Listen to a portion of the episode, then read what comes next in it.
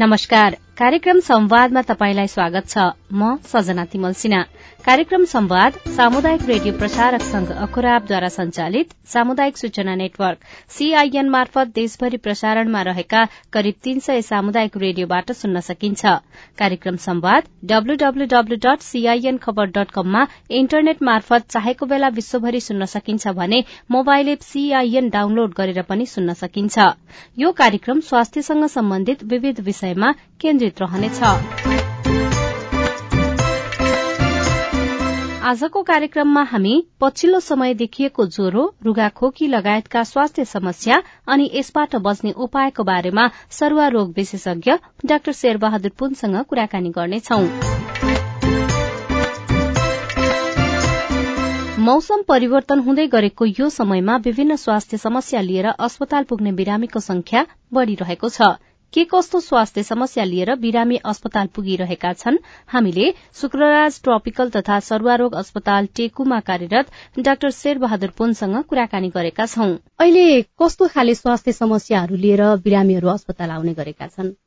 पछिल्लो केही दिनदेखि चाहिँ रुगाखोकीका बिरामीहरू भत्तै बढेको भन्दा फरक नपर्ला। किन भन्दाखेरि परिवारमा अरू सदस्यहरू पनि त्यस्तै खालको मिलोजुल लक्षण लिएर बसेका देखिन्छ। अझ यसलाई अझ परिष्कृत रूपमा अझ अलिकति किटेरै भन्नुपर्दा चाहिँ इन्फ्लुएन्जा अथवा फ्लू छोटकरीमा फ्लू भाइरस चाहिँ फैलिँदो क्रममा छ अहिले पछिल्लो समयमा। र यो मेरो लागि अनुमानित हो किन भन्दाखेरि नेपालमा वर्षेनी यो समयमा बढ्दै जान्छ। अझ अबको अझ दुई चार हप्तासम्म यो अलिकति माथि उत्कर्षतिर जान्छ र त्यसपछि बिस्तारै कम भएर जाने हो। एउटा त्यो छँदैछ कतिपयले अब झाडा पखालाको कुरा पनि गर्नुहुन्छ। अब बिस्तारै गर्मी बढ्दै जाने अवस्था छ। र बाहिरको खानेकुराहरू पनि अब बिस्तारै बढ्दै जाला। र त्यसको लागि पनि अब अलिकति अब ध्यान दिने समय पनि आयो कि भन्दा फरक नपर्ला भन्ने मलाई लाग्दछ। र पक्कै पनि यीहरू चाहिँ अब श्वास प्रश्वाससँग र खान खानेकुरा पानीहरूसँग अलिक बढी सम्बन्धित हुँदै जान्छ। आगामी दिनमा चाहिँ यस्तो खालको देखिने क्रम सुरु हुन्छ। यही समयमा ठ्याक्कै यस्तै खाले समस्या वर्षेनी फैलिने गरेको छ अथवा देखिने गरेको छ? किन यही समयमा देखिन्छ? अब यसरी बुझौँ जाडो महिनामा सामान्यतया धेरै मानिसहरू खासै बाहिर त्यति जाने अथवा आउट गोइङ भनौँ बाहिर गएर खानपान गर्ने त्यो खालको धेरै कम हुन्छ। तर घरभित्रै बस्ने भएको हुनाले चाहिँ श्वास प्रश्वाससँग सम्बन्धित रोगहरू खास गरी चाहिँ रुगाखोकी नै भनौँ योभन्दा अगाडि पनि थियो तर त्यो अरू विभिन्न कारणले पनि भएको हुनसक्छ। त्यो देखिन्छ र तपाईँहरूले यो अनुभव गरे के हो भने पछिल्लो समयमा चाहिँ अब खुल्ला भयो। खास गरी चाहिँ बाहिर खानेकुरा पानीहरू हामीले अब किनभने पानीको पनि हामीले उपभोग बढी गर्दै जान्छौँ। र जब बजारमा कुनै चिजको डिमान्ड बढ्छ तब त्यो जुन एउटा निरन्तरता दिइरहेको हुन्छ बजारमा त्यसमा चाहिँ केही न केही कोही न कोहीले चाहिँ अलिकति केही फटाइहरू गर्न सक्छ। जस्तो उदाहरणको लागि हैजा फैलेको बेलामा मलाई याद छ केही वर्ष अगाडि खाने पानी जुन जार छ त्यो जारको पानीमा चाहिँ हैजाको जीवाणु भेटेको थियो र त्यो बारेमा अनुसन्धान गर्दै जाँदाखेरि चाहिँ उसले त्यो जुन आपूर्तिलाई त्यो कम्पन्सेट गर्नको लागि चाहिँ डाइरेक्ट बाहिरबाट पानी त्यहाँ हाल्यो जारमा हाल्यो त्यसरी बेचेको पनि पाइन्छ। मैले एउटा उदाहरण मात्रै दिएँ। खानेकुरामा पनि सायद त्यही नै होला। अब बाहिर जाँदै गर्दा धेरै मान्छेहरू चाहिँ बाहिर परिवारसँग जान रुचाउला। यो कारणले गर्दाखेरि त्यो फैलिने जुन वातावरण छ त्यो सहज रूपमा बन्दै जान्छ भन्ने लाग्छ भने अर्को चाहिँ पक्कै पनि अब यो समयमा सङ्क्रमणको लागि उपयुक्त समय पनि हुनसक्छ भन्ने। तर त्योभन्दा बढी चाहिँ यो जुन एउटा वातावरण जुन सिर्जना हुँदै हुँदै हुँदै जान्छ त्यो चाहिँ बढी हुन्छ होला। जस्तो उदाहरणको लागि कोभिड कालमा चाहिँ तपाईँले हेर्नुभयो भने यस्ता खालका संक्रामक रोगहरू चाहिँ एकदमै सिग्निफिकेन्टली नै एकदम कम भएको चाहिँ उल्लेखनीय रूपमा भनौँ एकदम कम भएको पाइन्छ। र सहजै अनुमान गर्न सकिन्छ खालि त्यो संक्रमण फैलिने उसले त्यो बेला मात्र नभइकन चाहिँ ऊ फैलिने वातावरण नपाएपछि पनि त रोकिँदो रहेछ भन्ने कुरा यहीँबाट पनि एउटा मैले चाहिँ कहिलेकाहीँ तुलना गर्दा त्यसरी एउटा एकदम सजिलो तुलना गर्ने एउटा एउटा चाहिँ मार्करको रूपमा लिने गर्छु। त्यो कारणले गर्दा त्यो वातावरण चाहिँ तपाईँ हामीले नै बनाउने हो र र जुन एउटा व्यापारिक हकमा अब नाफा दिने क्रममा चाहिँ अब अलिकति कहिलेकाहीँ स्वास्थ्यवर्धक खानेकुरा या पानीसँग चाहिँ अलिक सौदा भनौँ न कम्प्रोमाइज गरेको हो कि भन्ने मलाई लाग्छ जसको कारणले तपाईँ हामीले बिस्तार बिस्तारै चाहिँ हामी देख्दै जान्छौँ र देखि पनि सकेका छौँ। तपाईँले जुन विभिन्न रुगा खोकी ज्वरो लगायतका स्वास्थ्य समस्याको कुरा गरिरहनु भयो यो बेलामा अहिले हेर्ने हो भने एउटा घरमा एकजनालाई यस्तो समस्या छ। एउटा कार्यालयमा हेर्ने हो भने यस्तो समस्या नभएको व्यक्ति भेटिँदैन। यो चाहिँ एकबाट अर्को व्यक्तिमा सर्न अथवा फैलनको लागि सहज हुने भएर एकैचोटि फैलने हो कि के हो? अब यस्तो छ घरभित्र फैलिने भनेको चाहिँ त्यो वातावरण जुन चाहिँ अब श्वास प्रश्वाससँग एउटा फ्लुकै कुरा गरौँ। हामी परिवारहरू बस्छौँ। एकअर्कासँग भेटघाट हुने नै भयो कुराकानी हुने भयो। त्यो बेलामा हामीले जुन कुराहरू चाहिँ फ्लूको लागि बस्ने जुन उपायहरू हामी कुरा गर्छौँ त्यो चाहिँ सामान्यतया हामीले के सोच्छौँ भन्दा घरबाट बाहिर गएपछि मात्र अनि त्यो लागू गर्छौँ। र घरभित्र आइसकेपछि चाहिँ बुवा आमा दाजुभाइ दिदीबहिनीहरूसँग बस्दाखेरि त्यो लागू गर्दैनौँ। र सम्भवतः आफूलाई लाग्दैन पनि अब बुवालाई कहाँ रुगा लाग्यो होला? अथवा रुगा लगाए पनि खासै त्यस्तो नहोला? अथवा होइन?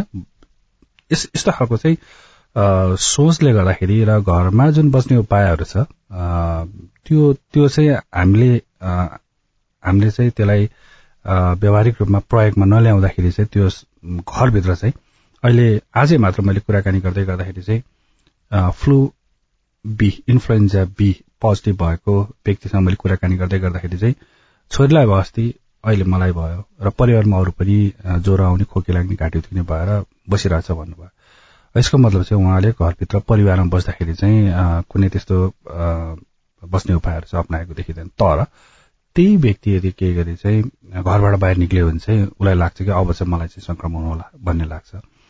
र कुनै न कुनै कारणले चाहिँ परिवारको कुनै सदस्य सङ्क्रमित भयो भने चाहिँ सजिलै सर्ने रोगहरू चाहिँ फैलिने गर्छ।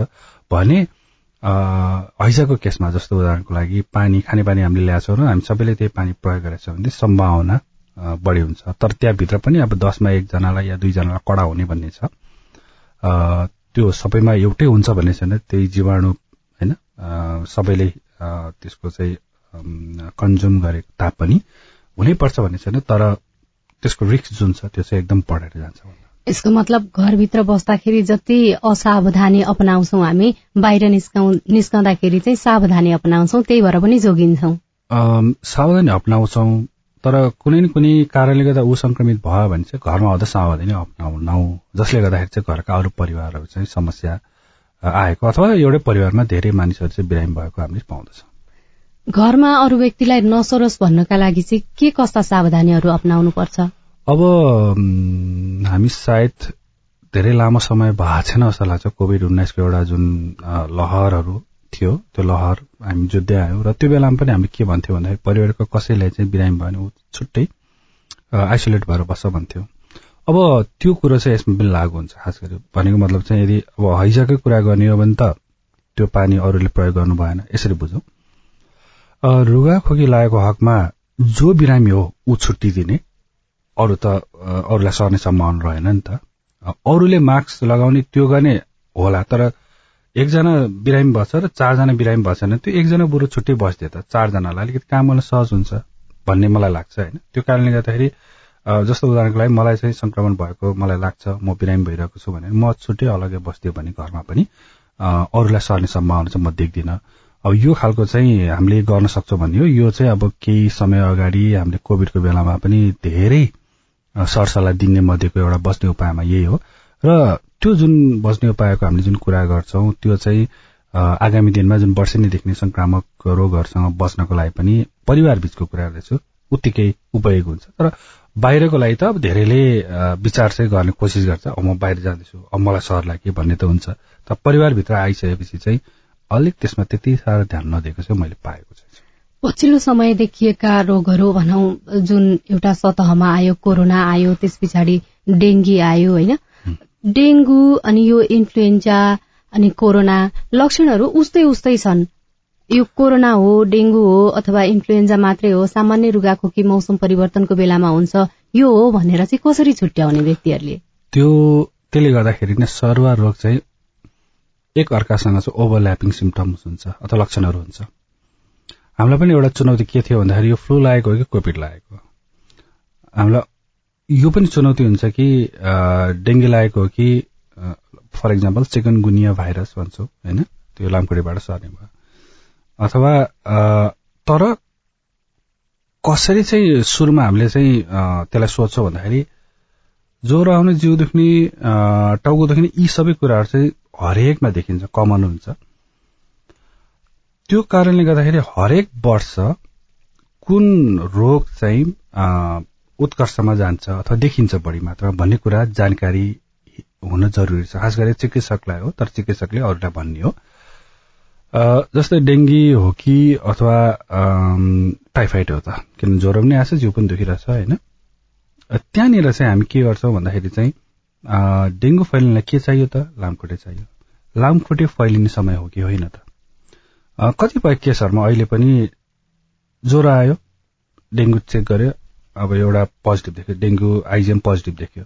ला यो त डेङ्गु हो क्या भन्ने कुरा। सोध्नुहोस् तपाईँ हामीले त्यहाँ लामखुट्टेको त ल पनि हुँदैन अहिले यति बेलाको अब त्यो टेस्टमा देखिए तापनि टेस्ट कतिपय टेस्टहरू चाहिँ लामो समयसम्म पोजिटिभ देखिरहेको छ त्यहाँनिर अलिकति झुकिन सक्छ। तर सबभन्दा पहिला हामीले चाहिँ एकदम सोच्नुपर्ने भनेको त्यो समयमा त्यो रोग फैलिएको छ कि छैन? अथवा फैलिने भेक्टर कहिलेकाहीँ चाहिँ भेक्टरबाट सर्च भेक्टर भनेको लामखुट्टे या अरू किट जन्य रोग भन्छौँ। त्यो त्यो ठाउँमा छ कि छैन? विशेष। अथवा त्यो समय हो कि होइन भने हामी छुट्याउनु पर्छ नम्बर वान नम्बर टू चाहिँ त्यो व्यक्ति कहाँ गएको? जस्तो उदाहरणको लागि कोभिड एकदम फैलिएको ठाउँबाट त्यो फर्केर आएको छ तर मेरो ठाउँमा छैन। म एउटा राम्रो उदाहरण दिन्छु। सन् दुई हजार उन्नाइसमा एउटा डेङ्गुले ठुलो महामारी लिएको थियो। काठमाडौँ जति प्रभावित थियो त्यति भक्तपुर थिएन। तर मसँग बिरामी चाहिँ भक्तपुर बस्ने। ऊ आउँदाखेरि चाहिँ डेङ्गु पोजिटिभ आउँथ्यो। तर मैले उहाँलाई सोध्दा उहाँको परिवार अथवा छिमेकीहरू कसैलाई पनि छैन। त मैले सोधेँ के सोधेँ भने तपाईँ कहाँ काम गर्नुहुन्छ? न्यु रोडमा। न्यु रोडमा थुप्रो मान्छेहरू डेङ्गु लाएर बसिरहेका थिए। अब मलाई के थाहा छ भन्दा यो यो लामखुट्टे त दिउँसो एकदम सक्रिय हुने हो। अब मैले हो त्यताबाट घुमाएर सबै कुराहरू बुझ्दै बुझ्दै गएपछि म रोगको नजिक पुग्ने हो। तसर्थ एउटा राम्रो चिकित्सक स्वास्थ्य कर्मीले चाहिँ यस्ता कुराहरू चाहिँ सबै सोध्यो भने चाहिँ अनि त्यो अलिक नजिक पुग्छ। तर फाइनल निदान गर्ने भनेको त रगतकै जाँच अथवा परीक्षणबाट नै गर्ने हो। त्यसले गर्दाखेरि चाहिँ यो सुरुवाती समय चाहिँ हामीले यसरी जाँदाखेरि चाहिँ बल्ल छुट्याउनलाई सजिलो हुन्छ भन्ने हो। अब झाडा पखाला पनि धेरै कारणले हुन्छ तर परीक्षण चाहिँ धेरै कम हुन्छ। त्यो कारणले गर्दाखेरि मैले चाहिँ के भन्ने गरेको छु अहिले पनि भन्दाखेरि चाहिँ सरुवा रोगमा ज्वरो आउनुको कारण पखला लगाउनुको कारण चाहिँ जति संक्रमणहरू छ त्यसको बारेमा राम्रो अनुसन्धान हुनु पर्यो। र राम्रो अनुसन्धान भएर एक दुई तिन चार कुन चाहिँ सबैभन्दा बढी हामीले दुःख दिइरहेछ? अब यो चेन्ज पनि हुनसक्छ हिजो गएको वर्ष एक नम्बरमा थियो भने त्यो तिन नम्बरमा आउला। त्यो हरेक वर्ष हरेक समय चाहिँ हामीले त्यसरी एउटा अनुसन्धात्मक रूपमा चाहिँ हामीले उपचारलाई अगाडि बढाउन सक्यो भने धेरै राम्रो हुन्छ। र यो कुराहरू मैले लामो समयदेखि भन्ने पनि आएको छु किन अनुसन्धान एकदम महत्वपूर्ण हुन्छ। त्यो बिना हाम्रो आँखा अलिकति अन्धो जस्तो हो। त्यसले गाइड गर्छ। यो समयमा यो देखिया छ ल हामीले यसलाई यसरी गर्ने भन्ने कुराहरू। र यसको ज्वलन्त उदाहरण भनेको कोभिड जब विश्वभरि महामारीको फैलिएको थियो तपाईँ हाम्रो आँखा जहिले पनि अनुसन्धानमै हुन्थ्यो। ए अनुसन्धानले यस्तो भन्यो अनुसन्धानले यो गर्यो भन्ने हुन्थ्यो। त्यही कुरा त म पहिले पहिला भन्थेँ। तर पछिल्लो समय त्यसको अलिकति त्यो मानिसहरूको आकर्षण मानिसहरूले पनि पढ्थ्यो त्यो। अनुसन्धानले यस्तो भन्यो भने। अब डक्टर त छँदैछ। अनुसन्धानकर्ताहरूले त यसै पनि त्यसलाई अगाडि बढाएको थियो त्यसले गर्दा त्यही कुरा यसमा पनि लागु हुन्छ। वास्तवमा हामी चुपचाप बस्ने उही यही त्यही त हो यही हो भनेर होइन यो यो यसलाई हामीले यसरी गरेका थियौँ। हिजो भन् दुई वर्ष अगाडि यसरी गरेका थियौँ भने त्यसरी गर्दाखेरि चाहिँ हामीले रोगको नजिक पनि पुग्दैनौँ र सही उपचार पनि नपाउन सक्छ जसले गर्दाखेरि बिरामीहरू थप बिरामी हुनसक्छ जटिलताले जान सक्छ र फैलिनेलाई नियन्त्रण गर्नलाई पनि हामीलाई कता एकदम अन्धकार जस्तो के हो के हो? थाहै छैन। भने जस्तो हुन्छ। त्यसले गर्दाखेरि यो आवश्यक छ थियो भनेर मैले भन्थे। छ भन्छु र भविष्यमा पनि अति आवश्यक छ। तपाईँ अहिले कार्यक्रम संवाद सुनिरहनु भएको छ। आज आइतबारको संवादमा हामी स्वास्थ्यसँग सम्बन्धित विविध विषयमा कुराकानी गर्नेछौ। आज हामीले पछिल्लो समय देखिएको स्वास्थ्य समस्या अनि यसको उपचारको विषयमा सरुवा रोग विशेषज्ञ डाक्टर शेरबहादुर पुनसँग कुराकानी गरिरहेका छौं। अहिले अब मौसमकै कुरा गर्नुपर्दा यसपालि हुँदै वर्षा हुँदै भएन काठमाडौँको कुरा गर्नुपर्दा। यसले गर्दा प्रदूषण पनि बढेको छ। यो प्रदूषण बढेको बेलामा चाहिँ सर्वसाधारणहरूले के कस्ता कुरामा विशेष गरी ध्यान दिनुपर्छ आफ्नो स्वास्थ्यको हिसाबले? प्रदूषणमा चाहिँ हुन त अब दीर्घकालीन रूपमा चाहिँ विभिन्न अरू रोगहरू मुटु स्नायु प्रणालीदेखि लिएर विभिन्न फोक्सोका दीर्घकालीन रोगहरू चाहिँ लाग्छन्। तर हामीले सुरुमै चाहिँ अब प्रदूषण भन्ने बित्तिकै छाला आँखा अनि श्वास प्रश्वाससँग सम्बन्धित बढी मात्रामा हेर्ने गर्छौँ। र एकपटक मैले कुनै लेख लेख्दै गर्दाखेरि चाहिँ रियल टाइममा प्रदूषण हेरिरहेको थिएँ र त्यो प्रदूषण चाहिँ काठमाडौँकै हेरेको थिएँ र त्यहाँ चाहिँ एकदम त्यो जुन एउटा लेभल छ त्योभन्दा बढी नै मैले पाएँ। र यसले हामीलाई कति दुःख दिइरह होला भन्ने कुरा अब त्यही एउटाबाट अनुमान गर्न सकिन्छ र यदि तथ्याङ्क हेर्नुहुन्छ भने पछिल्लो समय श्वास प्रश्वासका बिरामीहरू चाहिँ हरेक वर्ष बढ्दो क्रममा छ भन्ने कुराहरू आइरहेको देखिन्छ। र यसमा एउटा ठूलो कन्ट्रिब्युसन भनेको चाहिँ प्रदूषित हावापानी नै हो। र यो नेपालमा हुन त भारत छिमेकी देश भारतमा त अब स्कुलै बन्द गर्ने के के विभिन्न छ। न्यू दिल्लीमा यस्तो भयो त्यो भयो भने हामी सुनिरहेको छौँ। त्यो सँगसँगै नेपाल पनि कुनै त्यस्तो एकदम त्योभन्दा धेरै टाढा छैन जस्तो लाग्छ मलाई। त्यसको लागि चाहिँ हामीले एकदम ध्यान दिनुपर्ने अवस्था छ। र यस्तो नहोस् कि पछि गएर देशै एउटा दीर्घकालीन रूपमा चाहिँ बिरामी बिरामीले भरिने खालको त्यस्तो नहोस्। र त्यो नहोस् भन्नको लागि चाहिँ हामीले अब वायु प्रदूषणलाई पनि विशेष ध्यान दिएर अब बस्ने उपायमा चाहिँ त्यति सहज त म देख्दिनँ। यो मानेमा कि तपाईँ हामीले लागेको मास्कहरूले पूर्ण रूपमा त्यसले रोक्छ भन्ने जरुरी छैन। तर के छन् ठुल्ठुलो कणहरू चाहिँ त्यो हामीले जुन एउटा सर्जिकल मास्कहरू लगाइरहेको छ त्यसले चाहिँ अब रोक्न सक्ने सम्भावना रहला तर त्यो भए तापनि हामीले अलिकति त्यति सहज चाहिँ मैले देख्दिनँ। र यसमा चाहिँ अझ अझ त्योभन्दा माथिल्लो उठेर हेर्ने हो भने त यो विश्वभरि नै बनेको चाहिँ यो प्रदूषणको कुरा हो। र यसलाई चाहिँ रोक्नलाई चाहिँ एकदमै सबै यो मल्टिनेसनल भनौँ सबै देशहरू मिलेर गर्नुपर्ने छरछिमेकको देशहरू पनि मिलेर किनभने प्रदूषण भनेको चाहिँ नेपालमा छ अब अरू देशबाट नआउला भन्न सकिँदैन होइन? त्यो कारणले गर्दाखेरि पनि यसमा चाहिँ माथिल्लो लेभलमा सुन्ने हो भने सोच्ने हो भने चाहिँ अब मल्टिनेसनलकै कुराहरू आउला भने अब स्थानीय रूपमा त तपाईँ हामीले हाम्रो तर्फबाट सरकारले पनि र हामीले पनि विशेष प्रदूषित हुने वातावरण चाहिँ सिर्जना गर्नु हुँदैन जस्तो चाहिँ मलाई लाग्दछ। तर सर्वसाधारणलाई फेरि पनि त्यति सहज चाहिँ छैन। अब के गर्ने के नगर्ने भन्ने कुराहरू आउला त्यसमा चाहिँ अलिकति सम्बन्धित निकायले नै बढी ध्यान दिनुपर्ने चाहिँ मलाई लाग्छ। प्रदूषणपछि फेरि पनि हामी डेंगी मौसमकै कुरातिर लागौं होइन? पोहोर यो समयमा अब बिस्तारै लामखुट्टे बढ्दै गएपछि डेंगीको संक्रमण फैलिँदै गएको थियो। अब फेरि बिहान बेलुका चिसो भए पनि दिउँसो गर्मी बढ्न थालिसकेको छ। यो अवस्थामा लामखुट्टेहरू देखिन थालिसकेका छन्। यसले गर्दा अब यसपालि पनि फेरि डेंगी पोहोरको जस्तै तीव्र गतिमा फैलेला अथवा के गर्ला? तपाईँको अध्ययनले के भन्छ? अब हरेक वर्ष डेङ्गु देखिने नै हो तर अलिक ठुलो जुन महामारी सन् दुई हजार बाइस केही समय अगाडिको जुन जुन विस्तृत एकदमै रूपमा जुन डेङ्गु फैलाएको थियो त्यस्तो चाहिँ सामान्यतया तीन चार वर्षको अवधिमा देखिन्छ देखेको छ। र यहाँ मात्रै विश्वमा नै हामीले अनुसन्धानमा जहिले पनि पढ्दाखेरि चाहिँ तीनदेखि पाँच वर्षमा चाहिँ एक प्रकारको ठुलो एउटा महामारीको रूप लिन्छ भनेर हामीले पढ्छौँ। र नेपालमा पनि सन् दुई हजार उन्नाइसपछि बाइसमा आएर त्यो देखिएको छ। र यसले चाहिँ अब लामखुट्टेको जुन एउटा संख्या छ त्यो चाहिँ अझ बढ्दै गइरहेको अवस्था छ। किन भन्दाखेरि त्यसबाट जुन अण्डाहरू हुन्छ त्यो अण्डाहरू लामो समयसम्म कहीँ न कहीँ सुरक्षित रहन सक्ने र पानी परिसकेपछि त्यहाँबाट फेरि लामखुट्टेहरूको विकास हुने यो छ। त्यसले गर्दा हामीले गएको जुन सन् दुई हजार बाइसमा जुन एउटा ठुलो महामारी नेपालको इतिहासमा सबभन्दा लामो सबभन्दा धेरै धेरै मानिस मरेको पनि त्यही नै हो। त्यो समयमा चाहिँ हामीले सुरुमै चाहिँ प्रतिकार्य गर्नुपर्ने थियो। त्यो भनेको चाहिँ लामखुट्टे जहाँ जहाँ त्यो विकास भएर चाहिँ त्यो ठाउँ नै नष्ट गर्नुपर्ने थियो। तर त्यो हामीले एकदमै पटक्कै चिन्ता जनाएनौँ पटक्कै वास्ता गरेनौँ। म यही भन्छु पटक्कै नै वास्ता गरेन। जसले गर्दाखेरि चाहिँ मलाई जहाँसम्म लाग्छ मन्त्रीदेखि लिएर सर्वसाधारण सबैजना बिरामी भए। धेरै मानिसहरू यो पल्ट मरे। र त्यो धेरै लामखुट्टे जन्मेपछि चाहिँ विकास भएपछि चाहिँ घर घर पुग्यो। घर घर पुगेपछि चाहिँ यो पल्ट घर घरमै एउटै परिवारका हिजोसम्म मैले छोरालाई हेरेको थिएँ भने केही समयपछि आमा केही समयपछि बुवा केही समयपछि हजुरबुवा यसरी चाहिँ एकपछि अर्को मान्छेहरू चाहिँ बिरामी भएको मैले पाएँ। यो एउटा अझ पनि सिक्नुपर्छ जस्तो लाग्छ। होइन हामी अझ अझ पनि हामीले अटेरी गरेर व्यवस्था गर्ने हो भन्ने त मलाई जहाँसम्म लाग्छ। थप अब म हरेक वर्षै देखिन्छ त म भन्दिनँ त्यही ठुलो। मैले भने जस्तै तिनदेखि पाँच वर्षको बिचमा चाहिँ हामीले यस्तै खालको समस्यादेखि चाहिँ हामी चुनौतीको सामना गर्नुपर्ने हुन्छ। कारण चाहिँ के रहेछ यो तीनदेखि पाँच वर्ष अवधि नै कुर्ने अथवा त्यो समयमा देखिने? अब यही त म भन्न सक्दिनँ। अब सम्भवतः तपाईँ हाम्रो शरीरमा एन्टिबडीहरू पनि होला। हुन त अब त्यो धेरै लामो समय त बस्दैन भन्छ। त्यही पनि त्यसमा धेरै अरू कारणहरू होला। अहिले तत्काल मैले चाहिँ यही हो भनेर चाहिँ भन्न चाहेन। किन त्यसको पछाडि विभिन्न होला समय यो चाहिँ।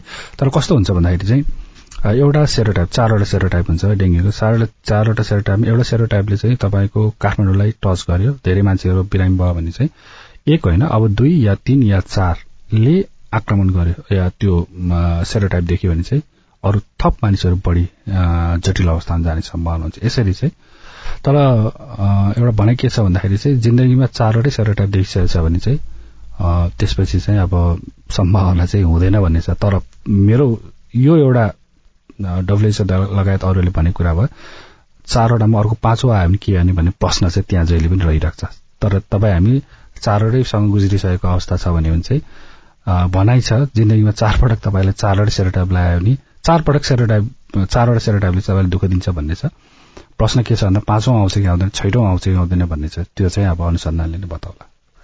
डेङ्गीको कुरा गर्दा पनि कोभिडको कुरा गर्दा पनि पोस्ट अथवा पोस्ट भन्दाखेरि रोग लागिसकेपछि विभिन्न स्वास्थ्य समस्याहरू देखिएको थियो देखिएको छ। केहीलाई चाहिँ लामो समयसम्म नै त्यो स्वास्थ्य समस्या देखिरहने केहीको चाहिँ केही समयमै हराएर जाने यो चाहिँ किन हुन्छ? म यसलाई यसरी भनौँ रोगा लाग्छ। कसैलाई एकदम कडा हुन्छ कसैलाई किन कम? यसको पछाडि विभिन्न थ्योरीहरू छन्। रोग प्रतिरोधक क्षमता कमजोर भएकाहरू भन्ने शब्द त प्रयोग खुब गर्छौं। कसलाई हुन्छ कसलाई हुँदैन त्यो चाहिँ अब हामीले भनिहाल्ने अवस्था छैन। त्यसको पछाडि उसको विभिन्न शरीरको जुन एउटा अवस्था होला उसको शरीरको दीर्घ रोगको अवस्था होला उसको उमेर होला विभिन्न होला। तर अहिले नै अब यसलाई पोस्ट कोभिडले किन दुःख दियो होला अथवा पोस्ट डेङ्गीको जुन समस्या छ त्यसले किन लगालग निरन्तर रूपमा यसलाई दुःख दियो होला भन्ने कुराको पछाडि चाहिँ अनुसन्धान एकदम कम छ। एकदमै कम छ। र यही हो भनेर अब भनिहाल्दा सायद त्यो त्यति राम्रो नसुनेला किनभने मैले अनुमानको भरमा भन्दा पनि एउटा केही यो एउटा डकुमेन्टेड होइन त्यसको आधारमा भन्दा अझ राम्रो हुन्थ्यो होला भन्ने लाग्छ। सामान्यतया त उमेर यो उसको शरीरको क्षमताको कुराहरू उसको रोगको कुराहरू शरीरमा भएको पुरानो रोगको कुराहरू यो त हामी तपाईँ हामीले सुनिरहेको अब त्यो बाहेकहरू पनि छन् कि त्यो चाहिँ अब सायद आगामी दिनमा अनुसन्धानलाई देखाउला। सामान्यतया गर्मी ठाउँको मान्छेहरूलाई चाहिँ डेङ्गी हुन्छ अथवा गर्मी ठाउँमा चाहिँ लामखुट्टे देखिन्छ। त्यसले गर्दा डेङ्गी प्रभावित गर्मी ठाउँमा बस्नेहरू हुन्छन् भनेर पनि भनिन्छ। तर पछिल्लो समय हेर्दाखेरि चाहिँ हिमाली भेगका नागरिकमा पनि डेङ्गी पुष्टि भएको हामीले नै देखेका छौं। यो चाहिँ खासमा के भएर भएको? अब यस्तो छ यो पल्ट त लगभग लगभग सबै जिल्लाहरूमा पुगेको डेङ्गी पुगेको भन्छु म। त्यही ठाउँमा सबै हुनैपर्छ भने जरुरी छैन। एउटा कुरा के विचार गर्नुपर्छ भने डेङ्गु फैलाउन लामखुट्टे अनिवार्य छ भन्छौँ हामीले। त्यसले गर्दाखेरि लामखुट्टे अब कति छ त होइन? कुन ठाउँमा कति छ भन्ने कुराले निर्भर गर्छ। जस्तो उदाहरणको लागि म कुनै हिमालको हिमालको कुनै एउटा ठाउँ बस्छु र म बिरामी भयो भन्ने बित्तिकै त्यो ठाउँमा ल अब डेङ्गु फैल्यो भनेर भनिहाल्ने अवस्था चाहिँ मलाई लाग्दैन। किनभने म काठमाडौँ आइरहन्छु पोखरा अथवा तराईतिर गएर आवाजात गरिरहन्छ म त्यहाँ संक्रमण भए हुन सक्छु तर त्यो ठाउँमा यो फैलियो भनेर भन्नको लागि चाहिँ त्यो भेक्टर त्यसलाई सार्ने माध्यम चाहिँ चाहिन्छ जस्तो लाग्दछ होइन? त्यो कारणले गर्दाखेरि चाहिँ अब म हिमालयमा बस्ने बित्तिकै अब अहिले त यातायातको सहज पहुँचले गर्दा म जहाँ पनि पुग्न सक्छु एउटा मान्छे अफ्रिकै पुग्न सक्छ अघि मैले भनेपछि इबोला मागबर्ग भाइरस जुन फैलिरहेको त्यो संक्रमण नहोला भन्न सकिँदैन। मलेरिया अफ्रिकन मलेरिया एकदम कडा मानिन्छ। नहोला भन्न सकिन्छ त्यसले गर्दा मानिसको एकदम आवाज सहज भएको हुनाले चाहिँ त्यो त्यति अप्ठ्यारो होइन किनभने जो कोही पनि बिरामी हुन सक्छ अब म अमेरिकामा बसेको छु त्यहाँ खासै डेङ्गु छैन देखिया छैन। त्यहाँ मलाई केही हुँदैन भने उहाँ डेङ्गु फैलेको ठाउँमा जान चाहिँ मिल्दैन। अथवा रेबिज फैलिरहेको ठाउँ छ म अमेरिकामा जिन्दगी कहिले रेबिज देखाएको छैन मलाई कहाँ के हुन्छ र भन्नु मिलेन। उनीहरू आउँदाखेरि नै भ्याक्सिन लगाएर आउँछ। त्यसले मानवलाई अब जुन अवस्था सिर्जना भइरहेछ त्यो ठाउँको मानिसहरूलाई त्यो ठाउँको भन्दा बाहेकको मानिसहरू आउँदैमा नहुने भन्ने होइन। यति हो कि त्यो रोग त्यो ठाउँसम्म कहिले पुग्दैछ र कसरी पुग्छ भन्ने कुराले निर्भर गर्छ हामीले जे जति रोगका कुराहरू गर्यौं सबैको उपचार अथवा समाधान भनेको स्वास्थ्य सम्बन्धी सरसफाई जो व्यक्ति आफैले गर्न सक्छ सँगसँगै सरकारले पनि ध्यान दिनुपर्ने तपाईँले कुराहरू भन्नुभयो। अब के कस्ता कुराहरूमा चाहिँ विशेष गरी ध्यान दिनुपर्ने देख्नुहुन्छ? अब यो चाहिँ सर्ने प्रकृतिमा भर पर्छ। श्वास प्रश्वास हो कि किटजन्य हो कि पानीबाट सर्ने हो कि अथवा रगत भनौँ दिशा पिसाब विभिन्न छन्। त्यसै कारणले गर्दाखेरि रोग पहिला पत्ता लगाउनुपर्छ भन्ने कारण त्यो रोग पत्ता नलगाइकन र त्यसको कसरी फैलिन्छ भन्ने ज्ञान नभइकन हामीले नियन्त्रण गर्न सक्दैनौँ। र त्यो नियन्त्रण गर्ने वा त्यो ऊ नभइकन जानकारी नभइकन तपाईँ हामीले भन्ने पनि कुरा भएन। कोभिडको थाहा भएन हामीले तपाईँ यो गर्नुहोस् त्यो गर्नुहोस् भन्यो। डेङ्गीमा थाहा भएर नै ल यो खोजेर नष्ट गर या अरू विभिन्न कुराहरूको हामीले कुरा सोध्छौँ होइन भन्नको लागि। तर यदि केही रोग नै अज्ञात भइदियो भने चाहिँ हामीलाई गाह्रो हुन्छ। र त्यसको लागि चाहिँ मैले भने चाहिँ हाम्रो चच्छु आँखा होइन भनेकै रिसर्च हो अनुसन्धान हो। अनुसन्धानलाई चाहिँ अगाडि बढाउनु पर्छ जस्तो लाग्छ। त्यसैको आधारमा चाहिँ हामी सँगसँगै नियन्त्रण र उपचारका जुन उपायहरू छन् त्यो पनि सँगसँगै लग्नुपर्छ जस्तो लाग्दछ। हामीले विभिन्न स्वास्थ्य सम्बन्धी कुरा गरिरहँदाखेरि राजन पण्डितले तपाईँको लागि प्रश्न लेख्नु भएको छ। धादिङबाट हुनुहुन्छ उहाँ चाहिँ अहिले विशेष गरी बालबालिकाहरूमा रुगा लाग्ने ज्वरो उच्च ज्वरो आउने रिङ्गटा लाग्ने समस्या व्याप्त छ। यसको रोकथामको लागि र उक्त समस्या हुन नदिन के गर्नु पर्ला भन्नुभएको छ? हुन त कुराकानीको क्रममा अघि पनि आइसकेको थियो। खास गरी अहिले पछिल्लो समयमा फैलिरहेको कुरा हामी सुरु नै त्यहीबाट गरेका थियौँ जस्तो लाग्छ मलाई। र परिवारमा तपाईँ हामी अलिकति बचौँ ठुलोलाई अलिक कडा कम होला सायद। यदि दीर्घ रोग छैन वा उसको शरीरको राम्रो अवस्था छ भने। तर बालबालिकामा के गरी फ्लूहरू लाग्यो भने चाहिँ अलिक कडा हुन्छ। यो कारणले गर्दाखेरि पनि उनीहरूमा अलिकति स्वाभाविक हो। होइन? बच्चाहरू अलिकति कमजोर हुन्छ शारीरिक रूपमा त्यसले गर्दाखेरि चाहिँ तपाईँ हामीले अलिक विचार गरौँ। र सम्भवतः अहिले आजै मात्र पनि मैले कतिपय बच्चाहरू रुगाखोकी होइन टाउको दुख्ने ज्वरो आउने भएर आएको देखेको छु। र पछिल्लो समयमा अघि हामी भनिहाल्यो अहिले पछिल्लो समयमा के फैलिरहेको छ भन्ने कुरा त हामीले अघि सायद कुरा गरे जस्तो लाग्छ। त्यसको लागि बस्ने उपायहरू नै मुख्य हो। बस्ने उपाय म फेरि सरस्वती भन्छु हात साबुन पानी धुने मास्क सही तरिकाले लगाउने अनि खोक्दा हाछु गर्दाखेरि चाहिँ यो बाहुलीले छोपेर खोक्ने भन्ने कुराहरू छ। यो कोभिडभन्दा अगाडि हामीले खुब भन्ने गर्थ्यौँ।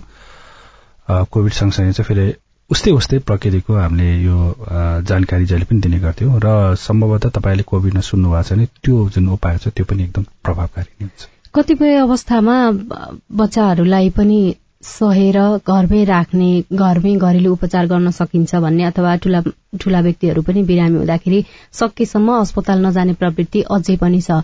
कस्तो अवस्थामा चाहिँ बिरामीलाई अस्पताल कुदाउनै पर्छ पुर्याउनै पर्छ? यसमा चाहिँ रोग अनुसार जस्तो उदाहरणको लागि श्वास प्रश्वासमा सम्बन्धित छ भने त अब सास फेर्न एकदम गाह्रो भयो अप्ठ्यारो भयो छिटछिटो फेरिरहेको छ।